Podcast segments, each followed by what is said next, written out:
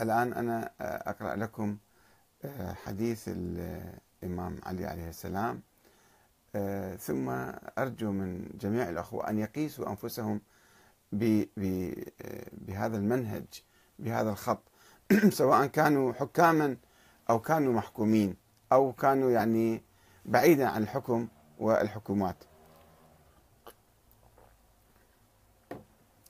لندع الحديث عن التفاصيل التاريخية الشخصية للإمام علي عليه السلام. يعني ما راح نستفيد من عندها كثيرا. آه، ونسأل يعني لابد أن نسأل أنفسنا كيف يمكن للحكام أن يقتدوا بالإمام؟ وكيف يمكن للمحكومين أن يعاملوا الحكام كما كان يريد منهم الإمام ذلك؟ كيف نتعلم الحكم بالعدل ومقاومة الظلم والطغيان؟ هذا ما يهمنا اليوم. يقول الإمام أمير المؤمنين عليه السلام في هذه الخطبة الرائعة أما بعد فقد جعل الله سبحانه لي عليكم حقا بولاية أمركم. يعني لابد أن نعترف بالإمام الذي ننتخبه ويكون إماما شرعيا له حقوق على الناس أن يسمعوا كلامه ويطيعوه ويوالوه ويناصروه ويعزروه ولكم علي من الحق مثل الذي لي عليكم.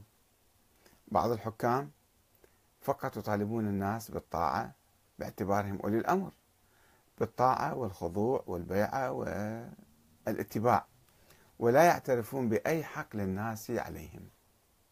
انظروا إلى دساتير الحكومات العربية ولا أريد أن أسمي حكومة معينة فقد سميت الكثير من هذه الحكومات. فقط ينظرون إلى أنفسهم هؤلاء الحكام أن هم أصحاب الحق المطلق وعلى الناس فقط الاتباع والطاعة وعدم الاعتراض على أي شيء. وعدم طبعا ممارسة الأمر المعروف والنهي عن المنكر تجاه الحكام. يقول الإمام فالحق أوسع الأشياء في التواصف. عندما واحد يصف الحق ما شاء الله وأضيقها في التناصف. ولكن عندما نريد أن نطبق الحق وننصف أنفسنا أو الآخرين من أنفسنا فلا ننصفهم. وأضيق آه، أضيقها في التناصف في التطبيق يعني. لا يجري لأحد إلا جرى عليه الحق مسؤولية متبادلة. يعني العلاقة بين الحكام والمحكومين هي مسؤولية متبادلة آه، على المحكومين أن يعرفوا حقوقهم وحقوق الحكام. وعلى الحكام أن يعرفوا حقوقهم وحقوق الناس. طبعا هذه الحقوق قد تكون غير مكتوبة وغير مميزة وغير دقيقة فلا بد أن توضع بدساتير تحدد ما هي صلاحيات الحكام وما هي صلاحيات المحكومين وما هي حقوقهم وهذا ما تتكفل به الدساتير الحديثة التي تفصل في كل شيء. وإذا تجاوز أحد الحكام على صلاحياته وعلى حقوق الناس فيحاكم ويعارض وربما حتى يسقط أو يسقط. وبالتالي الناس عندما يتجاوزون على حكوماتهم أيضا آه، يعاقبون. ولا يجري على عليه الحق على أي إنسان يعني على أي أحد إلا جرى له حق متبادل. ولو كان لأحد أن يجري له ولا يجري عليه يكون هو فوق الناس يعني لكان ذلك خالصا لله سبحانه دون خلقه. الله هو اللي خالق هو اللي صاحب الحق المطلق. فأي آه، واحد يدعي هذا الشيء يكون يعني يدعي مقاما إلهيا. لقدرته لقدرة الله تعالى على عباده ولعدله في كل ما جرت عليه صروف قضائه. ولكنه سبحانه جعل حقه على العباد أن يطيعوه وجعل جزاءهم عليه مضاعفة الثواب تفضلا منه وتوسعا بما هو من المزيد أهله. ثم جعل سبحانه لاحظوا الفلسفة فلسفة الحق أنه ليست من جهة واحدة ولا على جهة واحدة انه هي إنما هو الحق يعني مشترك ومن جهتين. ثم جعل سبحانه من حقوقه حقوقا افترضها لبعض الناس على بعض فجعلها تتكافأ في وجوهها متوازية. ويوجب بعضها بعضا ولا يستوجب بعضها إلا ببعض بسبب معين يعني. وأعظم ما افترض سبحانه من تلك الحقوق حق الوالي على الرعية. وحق الرعية على الوالي. حق الوالي على الرعية وحق الرعية على الوالي. فريضة فرضها الله سبحانه لكل على كل على الجميع. هنا المشكلة أنه قد يعني حتى هذا المفهوم المبدئي الذي يقدمه الإمام قد يخفى على كثير من أتباع الإمام. من العلماء والمراجع والرؤساء الذين يزعمون أنهم يسيرون على خط الإمام علي. فيعتقدون بأن لهم فقط حق على الناس أن يطيعوهم وهم فوق الناس وليس على الناس عليهم أن يطيعوا أو يحترموا إرادة الناس.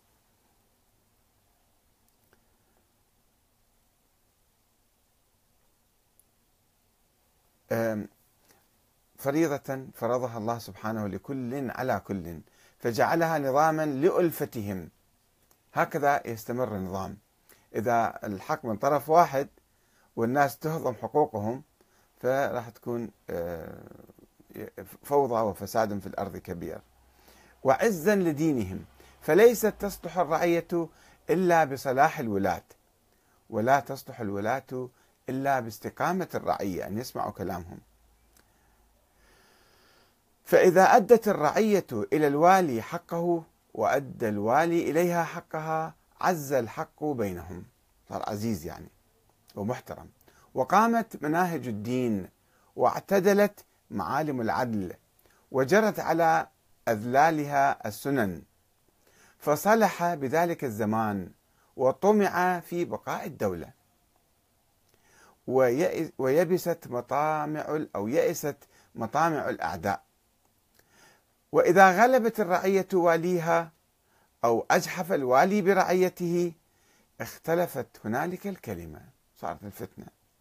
وظهرت معالم الجور وكثر الإدغال في الدين صار لعب بالدين أيضا. وتركت محاج السنن فعمل بالهوى وعطلت الأحكام. وكثرت علل النفوس فلا يستوحش لعظيم حق لعظيم حق عطل ولا لعظيم باطل فعل. بعض الناس يصير عندهم اعتيادي هذا الأمر. فهنالك تذل الأبرار وتعز الأشرار وتعظم تبعات الله سبحانه عند العباد. فعليكم بالتناصح في ذلك وحسن التعاون عليه. فليس أحد وإن اشتد على رضا الله حرصه وطال في العمل اجتهاده ببالغ حقيقة ما الله سبحانه أهله من الطاعة له. ولكن من واجب حقوق الله على عباده النصيحة بمبلغ جودهم قدر طاقتهم يعني والتعاون على إقامة الحق بينهم. وليس امرؤ وإن عظمت في الحق منزلته وتقدمت في الدين فضيلته, فضيلته بفوق أن يعان على ما حمله الله من حقه. يعني مثل الإمام علي منزلته وفضله وعظمته وجهاده مع ذلك يقول أنتم يجب أن تعينوني. ليس بفوق أن يعان على ما حمله الله من حقه. ولا امرؤ وإن صغرته النفوس واقتحمته العيون بدون أن يعين على ذلك. كل إنسان حتى لو كان صغير هو له دور في العملية السياسية. في المشاركة السياسية في إدارة الدولة والمجتمع.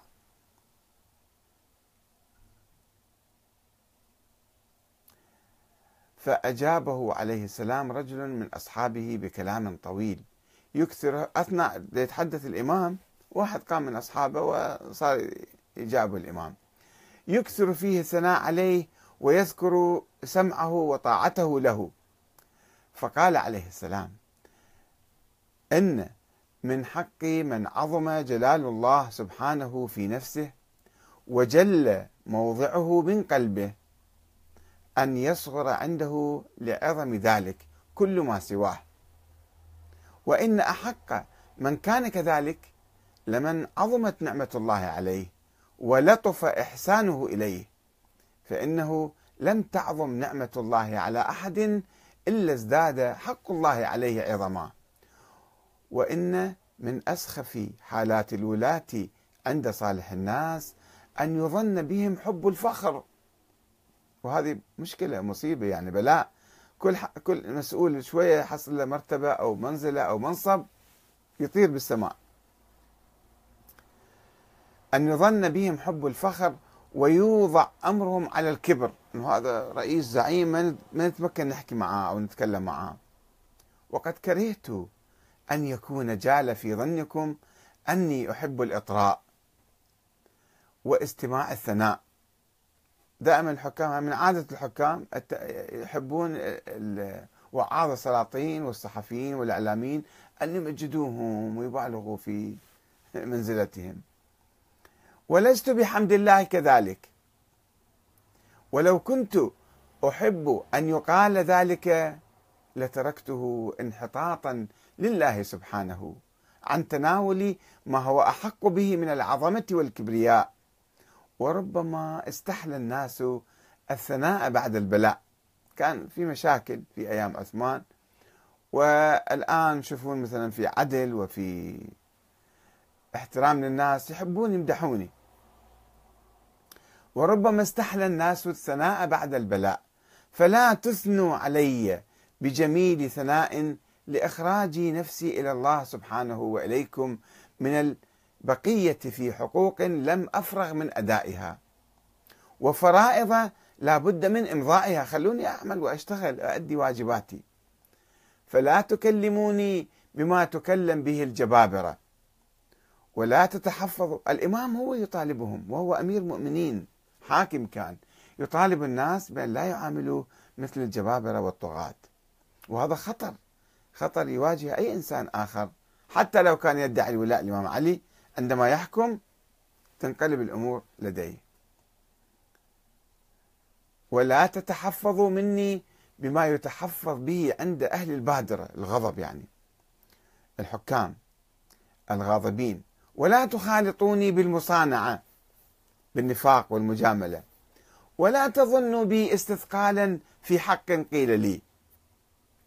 إذا عندكم مسألة محقة اطرحوها علي. لا تقولوا هو أمير المؤمنين يعلم. المرجع يعلم الرئيس الفلاني يعلم زعيم الحزب الفلاني يعلم. هو القائد هو الزعيم هو الولي هو كذا. وإحنا فقط أن نستمع من عنده وما عندنا دور في مقابله. الإمام علي يخاطب الناس يقول لهم أنتم إذا شفتوا شيء وكان بحق تعالوا اطرحوه علي.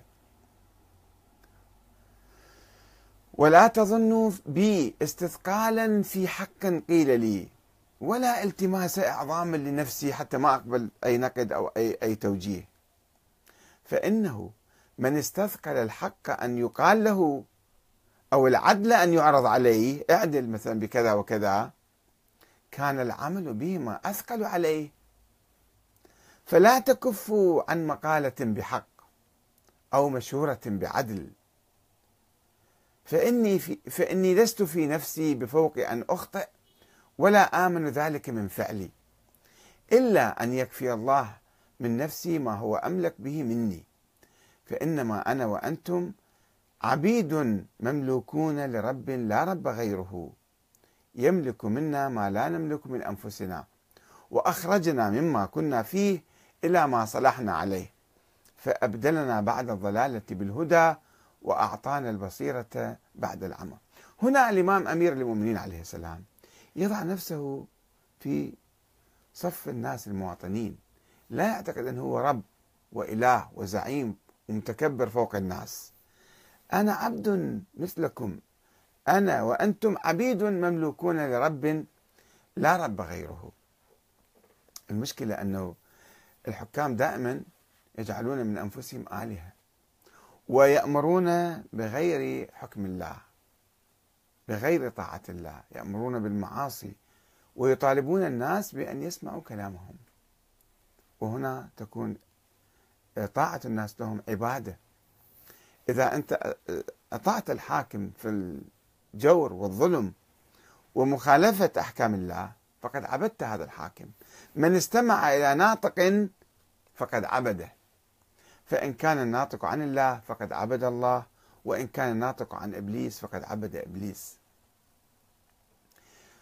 هذه النظرة المتواضعة من الإمام هي التي تجعله يحترم حقوق الناس وحقوق الناس بالذات هنا كما ينص هذا الحديث أو هذا الخطاب على الأمر بالمعروف والنهي عن المنكر على المعارضة السياسية يعني المعارضة العادلة. ليس من أجل المعارضة. المعارضة من أجل إحقاق الحق. مساعدة الإمام في الحكم بالحق والعدل. وهذه هي الشورى. الإمام عندما يطرح حق الناس في الاختلاف والمعارضة والتوجيه والنقد هذه هي الشورى. يعني يستمع إليهم أيضا. الشورى الشعبية. ربما الإمام علي لم يشكل مجلسا للشورى ولكنه احترم إرادة الناس احترم حقوق الناس العامة وطالبهم بأداء أدوار نقدية وسياسية في دولته عليه السلام.